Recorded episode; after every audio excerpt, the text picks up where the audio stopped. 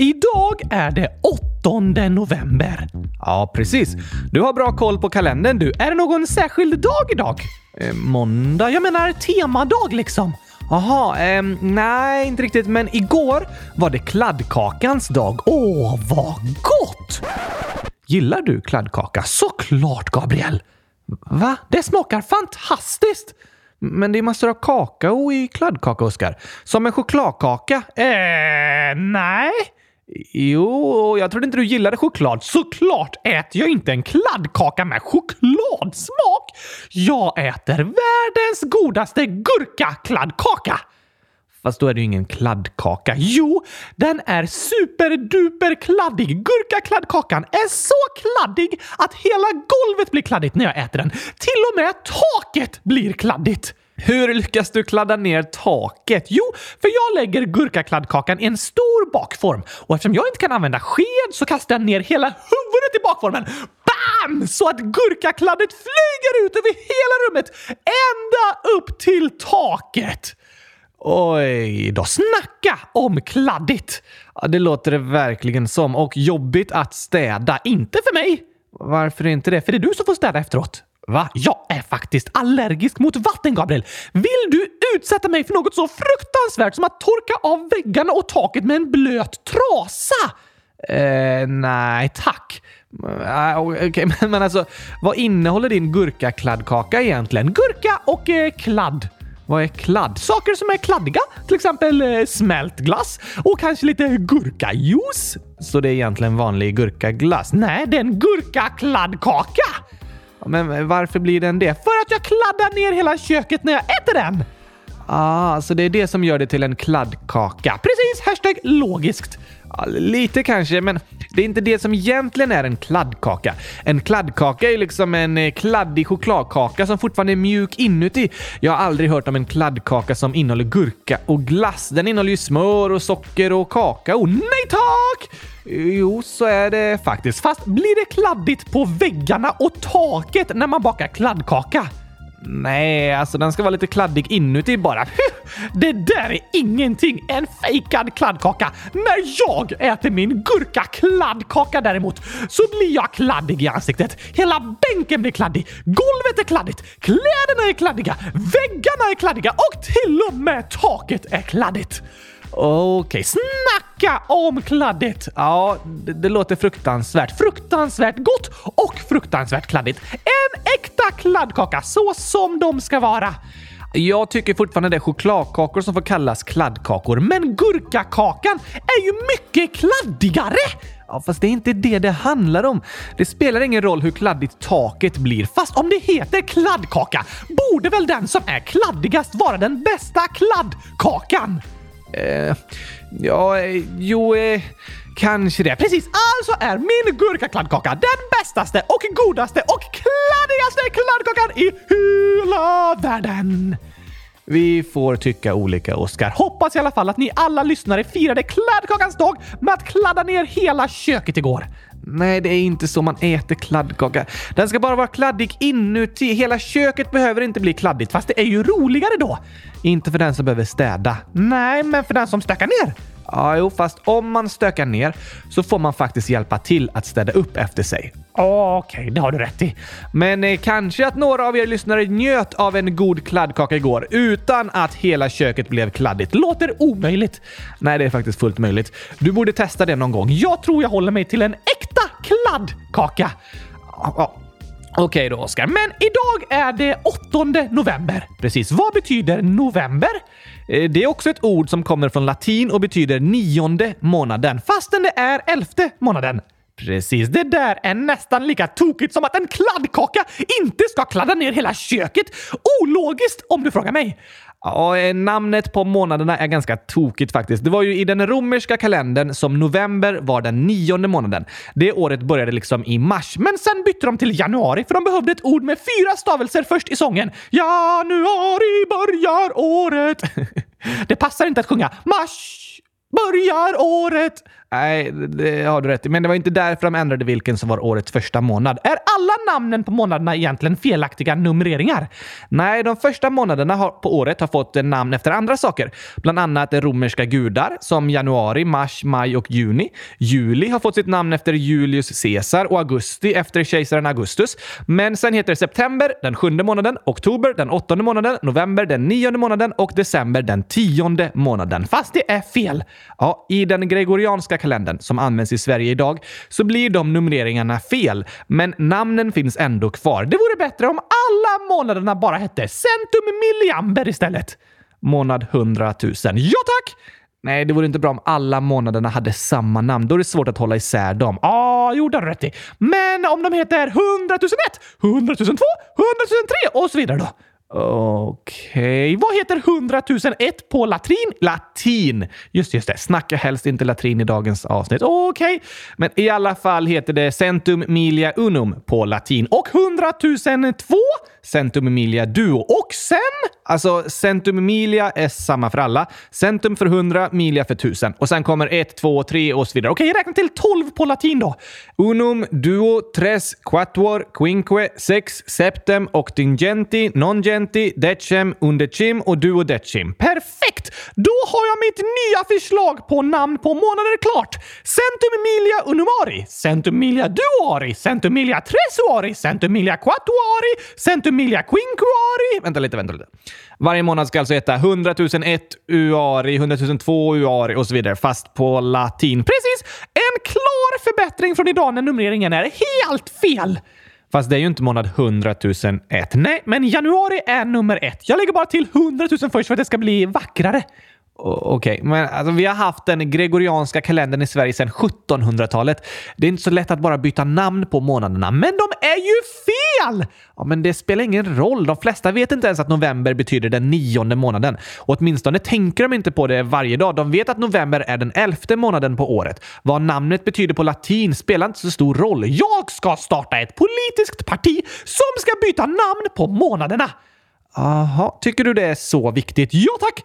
Så det ska bli ett enfrågeparti liksom? Nej, vi vill också att det ska börja serveras gurkaglass i skolorna och att alla bussar ska bytas ut mot rullande kylskåp. Eh, Okej. Okay. Tyvärr kan ju du inte ställa upp i valet eftersom du är en docka, Oscar. Just det! Annars hade jag nog fått hundratusen röster. Det hade varit drömmen. Ja, kan jag tänka mig. Men nog om gurkakladdkaka och namn på månaderna. Ska vi dra igång dagens avsnitt nu? Ja, tag! Här kommer en kladdig gurka-jingel! Den är inte kladdig. Jo, tack! Ja, jag förstår inte riktigt hur, men visst, här kommer den i alla fall.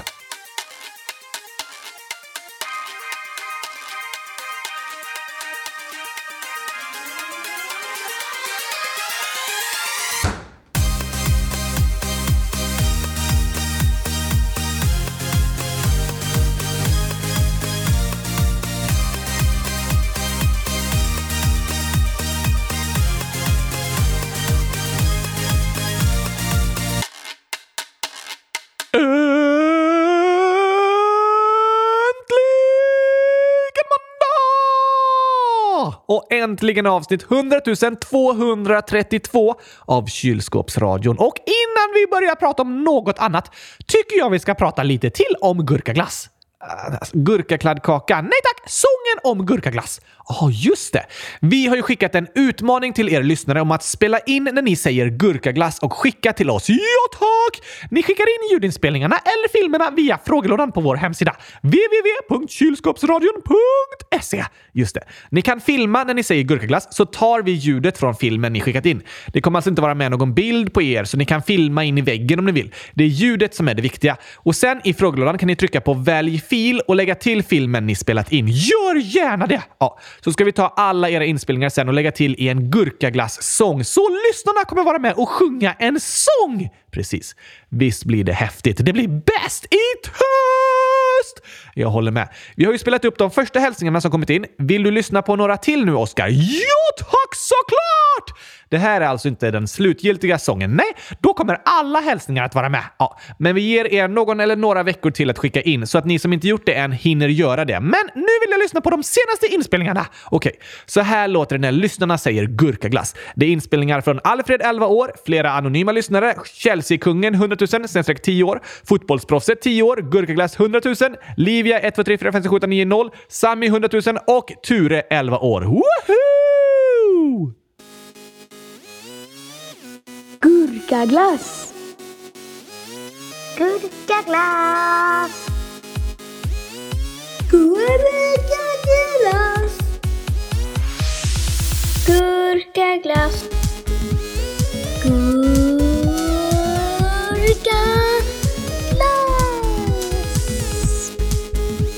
Gurkaglass.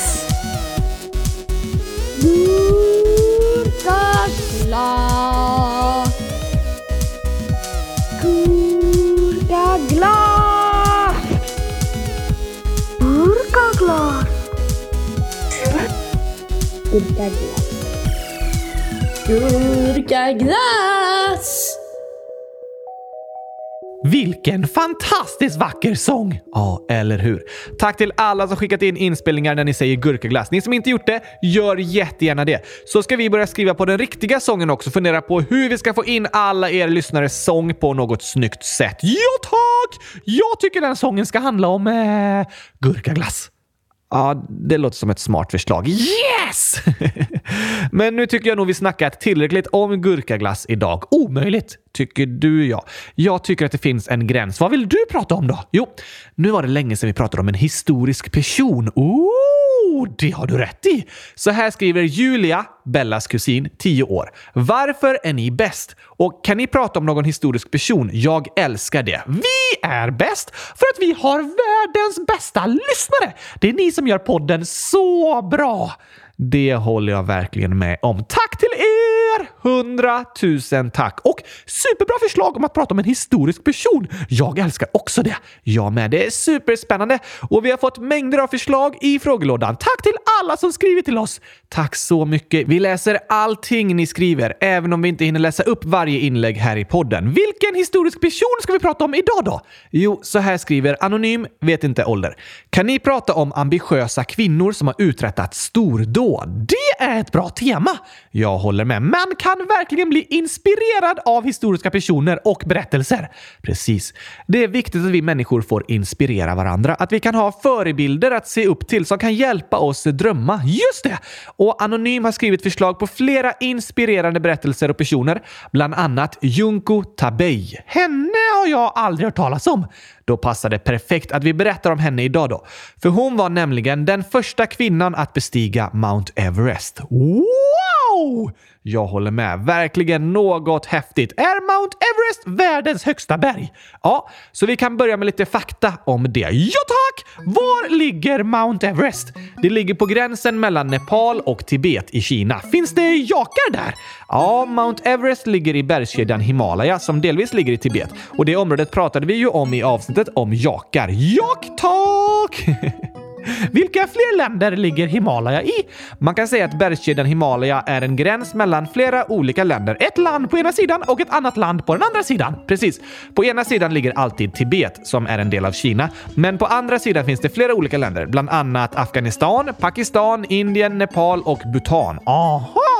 Finns det många höga berg i Himalaya? Ja, det gör det. Världens näst högsta berg heter K2 och formellt tillhör det en bergskedja som heter Karakoram, men man kan i princip säga att den sitter ihop med Himalaya. Och det högsta berget någon annanstans i världen är Aconcagua i Argentina. Det är 6962 meter högt, men i Himalaya finns det över 50 toppar som är högre än det berget. Oj då! Så alla de högsta bergen ligger i Himalaya? Det gör de. Därför brukar Himalaya kallas för världens tak. För att det är det som ligger högst upp på hela jorden. Precis. Då vill jag åka dit och äta kladdkaka. Eh, Alltså ja, för tänk om jag äter en kladdkaka som är så kladdig att den till och med kladdar ner världens tak. du menar att du kladdar ner Himalaya med din kladdkaka? Precis! Det måste vara världens kladdigaste och bästaste och godaste kladdkaka. Um, ja, ja, kladdigt låter i alla fall som om det kladdar ner hela Världens tak. Tokigt, Oskar. Men vad betyder Himalaya? Det är ett ord på språket sanskrit som betyder snöns boning. Är det alltid snö uppe i bergen? Ja, det är det. Men det kan vara olika mycket snö, så det är svårare att bestiga bergen på vintern. Aha! Det berget som brukar ses som det svåraste att bestiga är K2, världens näst högsta berg. Det är 8611 meter högt och hade aldrig bestigits på vintern förrän i år, år 2021. Oj då! Men det högsta berget heter Mount Everest. Hur högt är det? 8848,86 meter högt är den officiella höjden. Är det den högsta punkten på jorden? Ja, det är det. Och berget har olika namn på olika språk. I Nepal kallas berget Sagarmata, vilket betyder himmelens huvud. Och på tibetanska heter det Yomuglangmari, som betyder universums moder. Det låter som de tycker det är ett väldigt speciellt berg. Det gör de. Och höga berg är väldigt häftiga. Och något som är viktigt att tänka på när man bestiger höga berg är att desto högre upp man kommer, desto tunnare luft blir det. Eh, va? Tunn luft? Ja, vi kan ta det som dagens ord.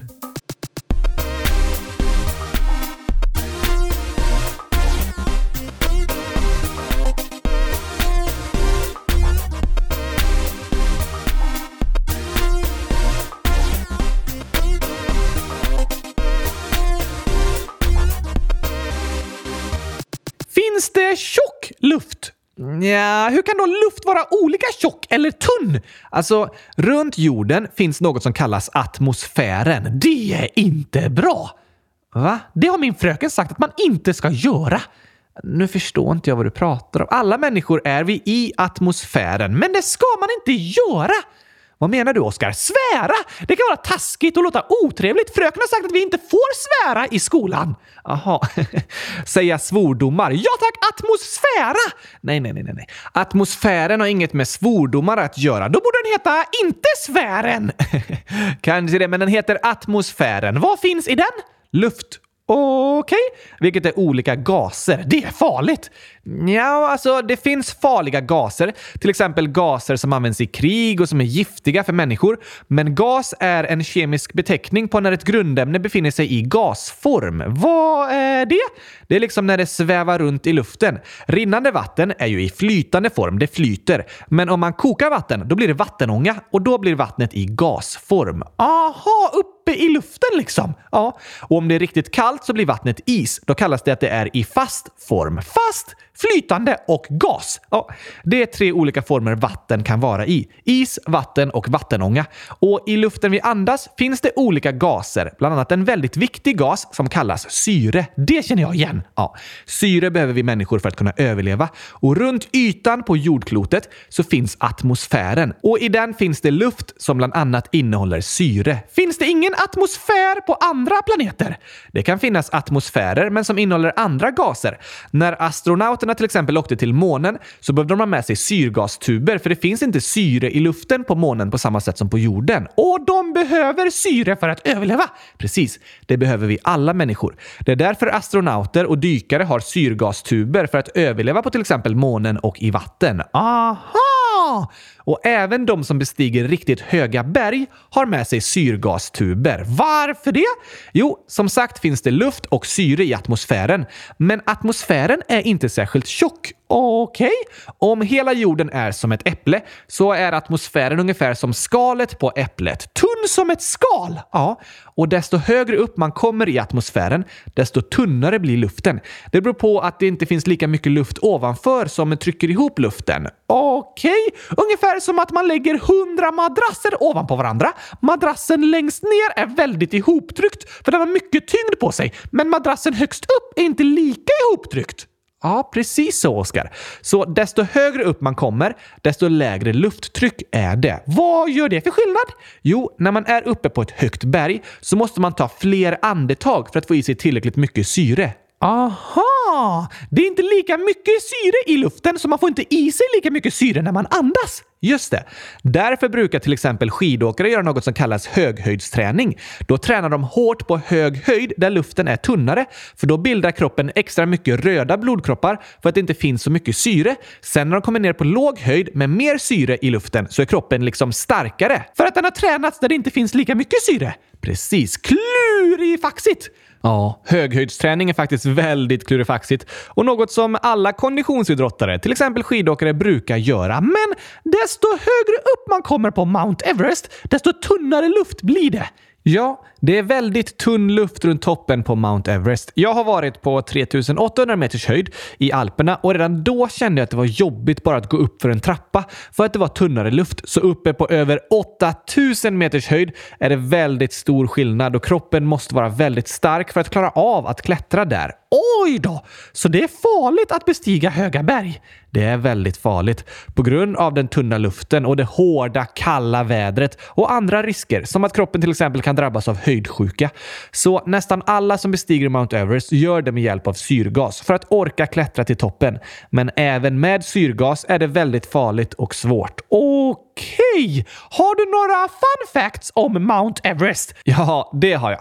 Det är alltid minusgrader på toppen av Mount Everest. I januari är det i snitt minus 36 grader och kan bli så kallt som minus 60 grader. Oj, det låter farligt! Eller hur? På sommaren är det varmare med en medeltemperatur på minus 19 grader i juli. Inte särskilt varmt det heller. Nej, det är fortfarande superkallt. Så det är alltid snö? Ja, och själva bergstoppen är 8844,43 meter över havet.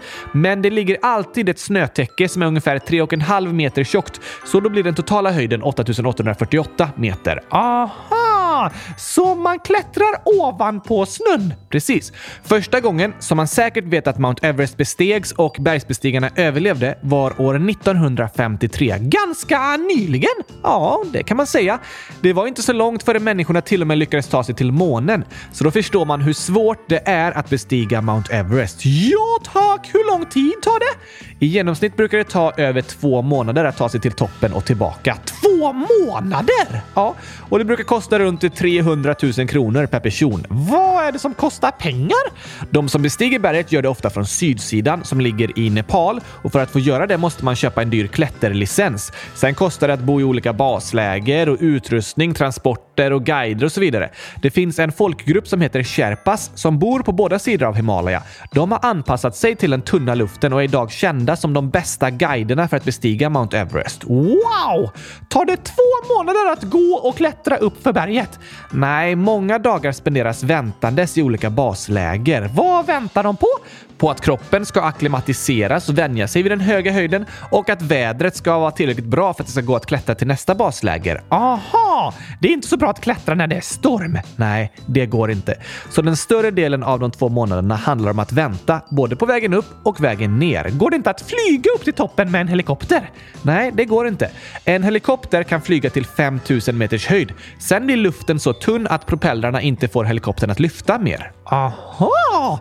Så de bästa helikoptrarna kan släppa av klättrare på de första baslägren på Mount Everest som är på 5300 meters höjd i Nepal och 5200 meters höjd i Kina. Okej, okay. och en lite äcklig fun facts. Det är roliga fun facts. ja, det brukar de vara. Det är att det lämnas ungefär 8 ton fryst bajs och kiss på Mount Everest varje år. Eh, va? Eftersom det ständigt är minusgrader på Mount Everest så bryts inte bajset ner om man bajsar utomhus. Därför måste klättrare idag ta med sig sitt bajs och kiss ner från berget. Oj då! Det går inte att gräva latriner i den frusna marken och det är farligt att bajsa utomhus för då riskerar man att få köldskador. Så klättrarna har med sig bajspåsar och kissflaskor och får bajsa och kissa inne i sina tält. Vissa har till och med på sig blöjor. Va? Har bergsbestigare blöjor? Lite tokigt är det minsann. Eh, det får man säga. Vem har tagit sig till toppen flest gånger? Det är Kamirita Sherpa som har bestigit Mount Everest 25 gånger. Ofta som guide för olika expeditioner. Wow! Det är imponerande. Otroligt imponerande. Och vet du vilka djur som de som bestiger Mount Everest kan träffa på? Eh, jakar? Ja, till en viss höjd, men eh, de lever ju sällan som vilda djur och inte nära toppen. Just det! Det enda djuret som permanent bor högt uppe på Mount Everest är hoppande spindlar. Hoppande spindlar? Ja, de gömmer sig i skrymslen och springor ända upp till 6700 meters höjd. Oj, vilket tokigt djur! Eller hur? Och på tal om tokigheter, ska vi ta lite skämt innan vi börjar berättelsen om dagens historiska person? Ja, tack!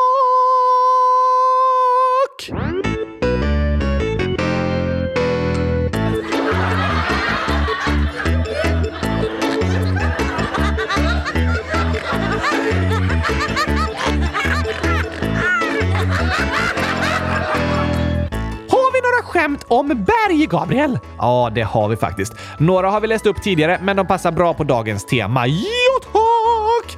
Arvid, 12 år, skriver Vad är det för likhet mellan en fisk och en bergskedja? Hä? Båda kissar i en flaska. Nej, alltså det är inte bergskedjan som kissar i en flaska och fiskar kissar. Äh, nej, det var fel svar. Okej, okay.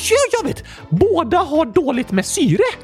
Ja, det var faktiskt ett bra svar, men fel. Åh nej! Arvid skriver båda har fjäll. Ah! Ja, just det! Fjäll är ju bergslandskap och fiskars skinn består av något som kallas fjäll. Klurifaxigt! Ja, det var det verkligen. En annan lurig gåta som vi ställde även i Afghanistan-avsnittet är vad finns alltid mellan berg och dal? Just det, just, just det. Den där känner jag igen! Och rätt svar måste vara... Bajs. Va? Ja tack! Bergsbestigarna måste ju ta med sig bajset ner från berget. Alltså från berget till dalen. Alltså finns bajset mellan berg och dal. Eh, ja, eh, det var ett eh, bra svar. Men rätt svar är och. Varför det? Berg och dal. Och är mellan berg och dal. Aha! Fast fruset bajs är ett mycket bättre svar tycker jag. Ja, okej, okay, du får rätt för det, Oskar. Yes! Sen skriver Pizzameny Visby. Hur kom hajen upp på berget? Den tog fart i vattnet och hoppade upp! Nej, den simmade upp för en flod. Inte det heller. Den åt en fisk som hade fjäll. Ja, det var ett bra förslag. Men nej, okej, okay, då vet jag inte. Den hajka. Hajen hajka! det låter ju som att den gör. Ja, tack! Men nu har jag en kluring till dig, Gabriel. Okej. Okay. Vilken bil går att använda för att köra upp på Mount Everest? Mm, alltså... Det går inte att köra hela vägen upp till toppen på Mount Everest. Jo tack, med den här bilen. Nej, okej, okay, det kanske inte går, men det låter så på namnet. Vi pratar om skämt nu, inte om fakta. Ja, ah, just det. Här, vilken bil låter som den kan ju, alltså, köra hela upp, vägen upp på Mount Everest? Eh, är det ett rullande kylskåp? Bra förslag! Men nej tack. Okej, okay, borde vara någon bil med fyrhjulsdrift, kanske en jeep? Tänk skämt, Gabriel, inte logiskt. Just det. Uh, uh, nej, jag vet inte. För att köra upp för Mount Everest behövs en bärgningsbil. Ja, okej. Okay. Det låter ju som faktiskt. Bärgningsbilar är bra på berg. Ja, inte direkt. De är inte så bra på att köra upp för berg faktiskt. Det låter så. Ja, jo, det håller jag med om. Tokigt, Oskar. Jo, tack! Men borde katter på berg? Ja, det finns katter uppe i bergen. Snöleoparder pratar vi ju om i djurkalendern. De bor i delar av Himalaya. Just det! Då passar det som Axel, 6 år, skriver. Hej! Snälla, kan ni spela upp kattsången snart igen? Ja, det vore roligt. Här kommer den, Axel!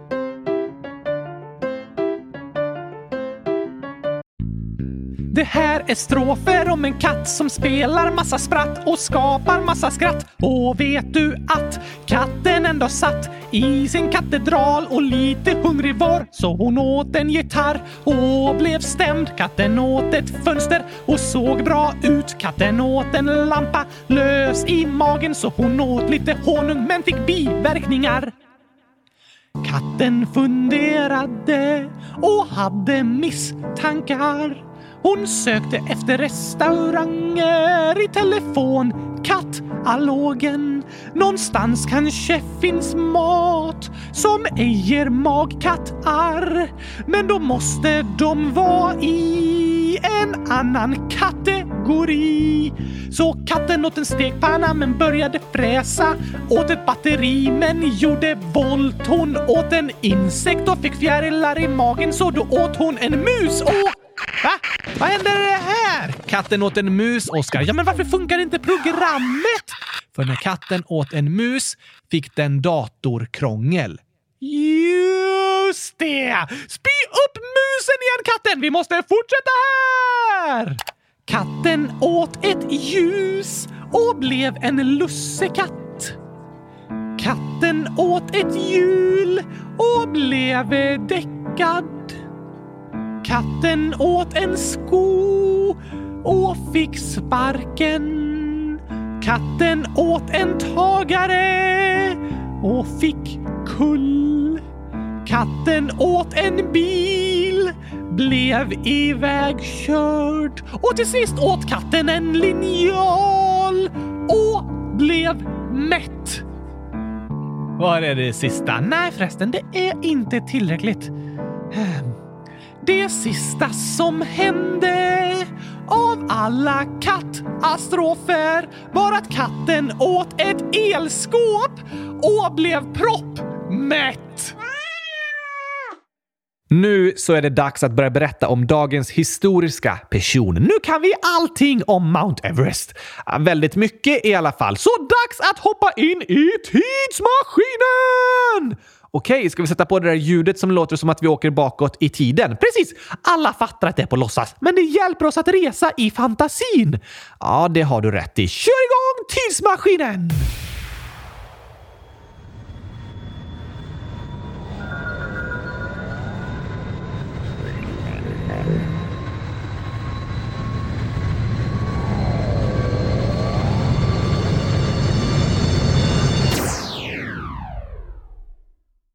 Vi har rest tillbaka till september 1939 i Miharu i Fukushima. Var ligger det? I Japan. Aha! Fukushima är en av Japans 47 prefekturer kallas det. Typ som eh, landskap. Ja, det kan man säga. Landet är indelat i 47 olika delar och Fukushima ligger ungefär i mitten. Okej. Och där föds den 22 september 1939 en flicka som fick namnet Junko Ishibashi. Hon var den femte dottern i en familj med sju barn. Det är en stor familj. Ja, verkligen. Många såg Junko som ett svagt och litet barn, men redan när hon var 10 år gammal åkte hon på en skolresa och besteg berget Nasu som är 1917 meter högt och då blev hon genast förälskad i bergsklättring. Hon älskade den fantastiska naturen och landskapen som hon fick se från toppen av berget och ville fortsätta att bestiga berg. Men det var ganska dyrt och hennes familj hade inte så mycket pengar, så hon fick inte många chanser till det under tonåren. Istället gick hon vidare till att börja studera till lärare på universitetet och hade som plan att börja jobba som lärare efteråt. Men efter examen så hittade hon tillbaka till sin gamla passion för bergsklättring. Började hon klättra igen? Ja, hon gick med i flera klätterklubbar, men det var inte helt enkelt för de klubbarna var för killar, inte tjejer. Va? Vissa killar välkomnade henne medan andra ifrågasatte henne och tyckte inte att hon skulle satsa på en sån killsport. Det är ju inte sant! Nej, det finns inga sporter som är kill eller tjejsporter. Men genom historien finns det personer som har tänkt så och det har begränsat andra personers möjligheter att utöva sporterna. Särskilt är det tjejer som har haft det svårt att delta i olika sporter. Men Junko tyckte också det var fel att de sa så. Hon ville bli en bergsklättrare oavsett vad killarna sa till henne. Yes! Och snart hade Junko Ishibashi bestigit alla de högsta bergen i Japan, inklusive det högsta av dem alla, Mount Fuji. Är det 100 000 meter högt? Nej, men 3776 meter högt. Wow! Det är en hög vulkan och en nationalsymbol för Japan. Just det! Och Junko hade nått toppen. Det hade hon. Och under den här perioden så träffade hon en annan bergsklättrare som hette Masunabu Tabei och de valde att gifta sig. Det var då Junko tog efternamnet Tabei. Aha! Och tillsammans fick de två barn, en son och en dotter. Slutade hon klättra då? Nej, det gjorde hon inte. Men det var flera som sa till henne att hon borde sluta. De tyckte att hennes man kunde hålla på med bergsklättring, men hon skulle vara hemma och ta hand om barnen. Men så valde de inte att göra. Både Junko och hennes man Masanobu fortsatte som bergsklättrare. Om en var ute på en expedition var den andra hemma och tog hand om familjen och om de båda var iväg och klättrade så hyrde de in en barnvakt. Aha! Och 1969 så grundade Junko Tabei en klätterklubb för kvinnor som fick namnet Ladies Climbing Club Japan. Det var den första klätterklubben för kvinnor i Japan och deras slogan var “Låt oss åka på en utomlandsexpedition på egen hand”. Vad menar de? Jo, som jag berättade var det många som tidigare sagt till Junko att hon inte borde hålla på med bergsklättring för att hon var tjej. Vissa killar till och med vägrade klättra tillsammans med henne eller sa taskiga saker om henne. De sa att tjejer inte kunde bestiga berg utan killar, men det höll inte Junko med om. Därför startade hon en egen klubb för att visa att bergsklättring visst var något för tjejer. Eller hur? Bra gjort! Jag håller med. I samhället så finns det många fördomar om vad olika personer kan göra och inte kan göra. Eller inte borde göra. Vissa kanske säger “det där är inte för dig”. Men bara för att vissa säger så betyder inte det att det är sant. Nej tack! Genom historien har det funnits många kvinnor som har fått höra “det där är inget för dig”. Men det är inte sant. Och Junko Tabei ville bevisa att det männen sa inte var sant. Bergsklättring är lika mycket en sport för kvinnor som för män. Så 1970 startade den nya klätterklubben sin första expedition. Var någonstans? Till toppen på berget Annapurna 3 i Himalaya. Junko Tabei och en annan teammedlem, Hiroko Hirakawa, tog sig till den 7555 meter höga toppen tillsammans med två Sherpa-guider. De blev de första kvinnorna och de första japanerna att nå toppen. De hade tagit med sig en kamera, men det var så kallt att filmen i kameran frös sönder. Oj då! Men efter att de utvärderat sin expedition bestämde sig Junko Tabei för att ta sig an en ännu tuffare utmaning. Mount Everest. Dun, dun, dun! Bara 35 personer hade tidigare nått toppen av berget och tillsammans med 14 andra kvinnor bildade Junko ett expeditionsteam som fick namnet Japanese Women's Everest Expedition. De kämpade länge med att få sponsorer som kunde hjälpa dem med kostnaderna, men det var väldigt svårt att få några bidrag för de flesta sa att ni borde inte hålla på med bergsklättring, men Junko höll inte med. Hon samlade in pengar genom att hålla i pianolektioner och för att hålla nere kostnaderna byggde hon mycket av sin utrustning själv. Hon sydde vattentäta vantar vantar av ett skydd hon hade till bilen och byxor sydde hon av gamla gardiner. Smart gjort! Ja, hon var målmedveten och hade bestämt sig för att ta sig upp till toppen på Mount Everest. Och efter en lång träningsperiod började de 15 kvinnorna sin expedition i maj år 1975. Det var stort medieintresse och de följdes av ett filmbolag när de började klättringen, men de hängde ju inte med så högt upp på berget. Sex Sherpa-guider var dock med under hela expeditionen och assisterade teamet. Hur gick det för dem?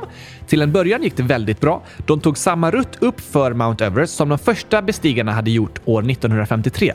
Men den 4 maj, när de hade slagit läger på 6300 meters höjd, då var katastrofen framme. En stor lavin slog in över lägret. Vad är det? En lavin är ett snöskred när massor av snö snabbt störtar ner för ett berg ner mot en dalgång. Aha! Det har jag sett bilder på. Det är väldigt farligt att vara i närheten av och lavinen störtade in över Junko och de andra klättrarnas läger. Vad hände då? Junko och fyra andra klättrare begravdes under snön. Hon blev liggandes medvetslös under snön i sex minuter innan en av guiderna lyckades gräva fram henne. Oj då! Som tur var överlevde alla klättrarna lavinen, men Junko hade tagit en hel del skada på grund av händelsen och kunde knappt gå. Därför behövde hon två dagar för att vila. Men så snart hon kunde var hon uppe på benen igen och fortsatte att leda teamet upp mot toppen. Lyckades de ta sig fram? De tog sig högre och högre upp på berget tills de nådde 8000 meters höjd. Nu var det bara den svåraste och farligaste sista biten kvar. Från början var planen att två av kvinnorna skulle bestiga toppen tillsammans med en Sherpa-guide, men teamet hade drabbats av höjdsjuka och de hade inte mycket syre kvar. Därför var det till slut bara Junko Tabei och Sherpa-guiden Ang Tsering som började den sista resan mot toppen. Är det svårt? Ja, nära toppen kom de till en tunn, farlig isrygg som de behövde krypa över. Junko beskrev det i efterhand som det läskigaste hon någonsin gjort. Klarade de det då? Det gjorde de. Den 16 maj 1975, 12 dagar efter de drabbats av den fruktansvärda lavinen, så nådde Junko Tabei och Ang Tsering toppen av Mount Everest. Woho!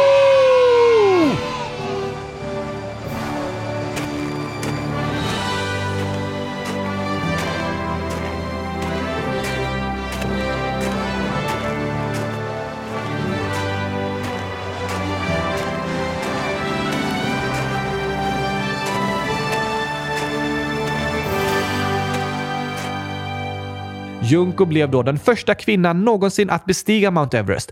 Något hon ofta blivit kallad, men som hon inte tycker så mycket om att bli kallad. Okej? Okay. Hon har själv sagt att hon hellre vill bli ihågkommen som den 36 personen som nådde toppen av Mount Everest. Aha!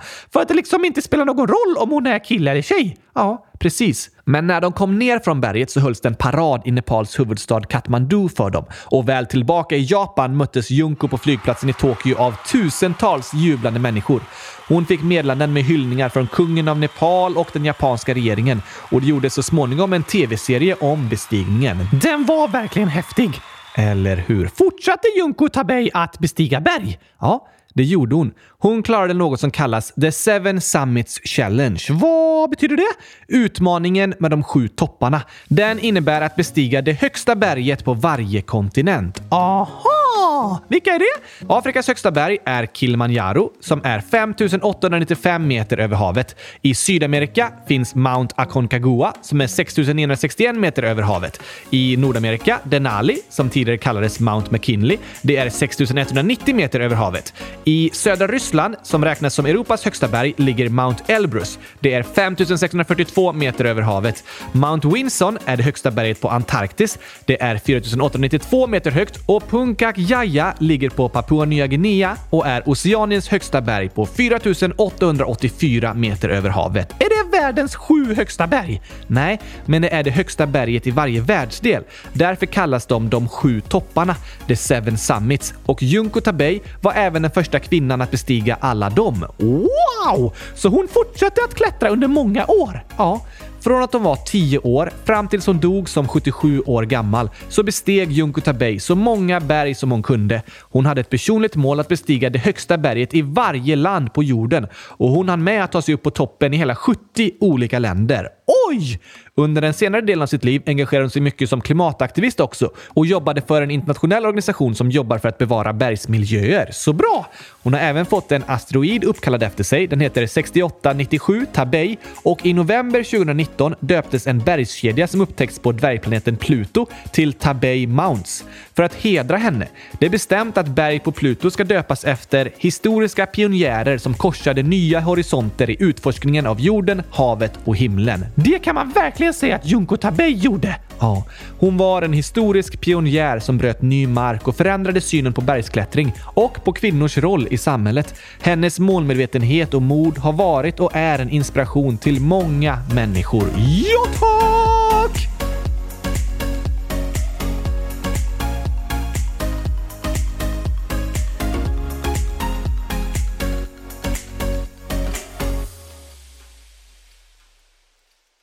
Har du lärt dig något av berättelsen, Oscar? Hmm, att det är farligt att bestiga Mount Everest. Ja, det är verkligen en utmaning. Och att även om andra säger att det inte går eller att man inte kan, så kan det vara möjligt. Du menar att Junko Tabei fick höra många kommentarer om att hon inte borde eller kunde bestiga Mount Everest? Precis!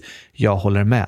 Det finns många fördomar om vad vissa personer kan och inte kan göra, baserat på till exempel vilket kön de har eller var de kommer ifrån. Men det har sällan med saken att göra. Nej, fördomar kan vara diskriminerande och därför är det viktigt att vi får utmana fördomar och motbevisa dem. Som Junko Tabei gjorde. Hon bevisade att fördomarna hon fick höra om henne som kvinna inte alls stämde. Hon kunde visst bestiga Mount Everest och de sju topparna och massa, massa andra berg. Ja tack! När vi får höra att människor är på ett visst sätt bara på grund av hur de ser ut så är det ofta påståenden vi kan ifrågasätta. Det är sällan det stämmer. Det är åsikter som är baserade på fördomar, inte på sanning. Precis! Och var och en kan vi hjälpas åt att utmana och ifrågasätta fördomar och istället skapa ett samhälle där vi tror på varandra, litar på varandra, uppmuntrar varandra, hejar på varandra och hjälper varandra. Istället för att säga till någon “Det där kan du inte göra” kan vi säga “Du kan klara det! Jag tror på dig!” Ja, vi får uppmuntra varandra och stötta varandra. Då kan vi tillsammans nå ännu högre höjder. Ända upp till toppen av Mount Everest. Precis. Junko Tabei är också inspirerande för att hon var väldigt eh, målmedveten. Just det. Hon hade ett mål som hon kämpade väldigt hårt för att nå. Till slut kan det gå att nå sina mål. Ja, det kan vara möjligt. Det är något som Junko Tabei visar i sin livsberättelse. Så vi vill skicka uppmuntran till alla er som lyssnar som har olika mål och drömmar som ni kämpar för. Det kan gå! Fortsätt försöka! Du kan klara det! Vi tror på dig! Håll ut! Tappa inte hoppet! Du är bäst i test! Det vill vi säga till dig. Ät gurkaglass varje dag så ska du se att allt kommer att lösa sig till slut. Eh, ja, kanske det. Eller om du inte tycker om gurkaglass så kan du istället äta en riktigt kladdig kaka. Och kladda ner hela köket. Ja, tack! Det är inte så bra, Oskar. Ta det lugnt med kladdandet. Försök att hålla kladdkakan på tallriken eller i munnen. Okej då. Men lycka till! Ni kan klara det. Du kan nå dina mål och drömmar. Yes! Tack! Hoppas ni gillade berättelsen om Junko Tabei. Det gjorde i alla fall jag. Ja, visst är den spännande. Och innan vi avslutar dagens avsnitt har vi massor av födelsedagshälsningar. Vad?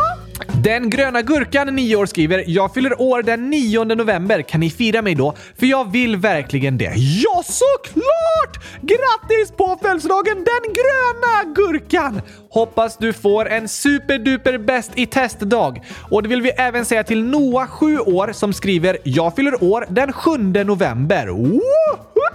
Woho!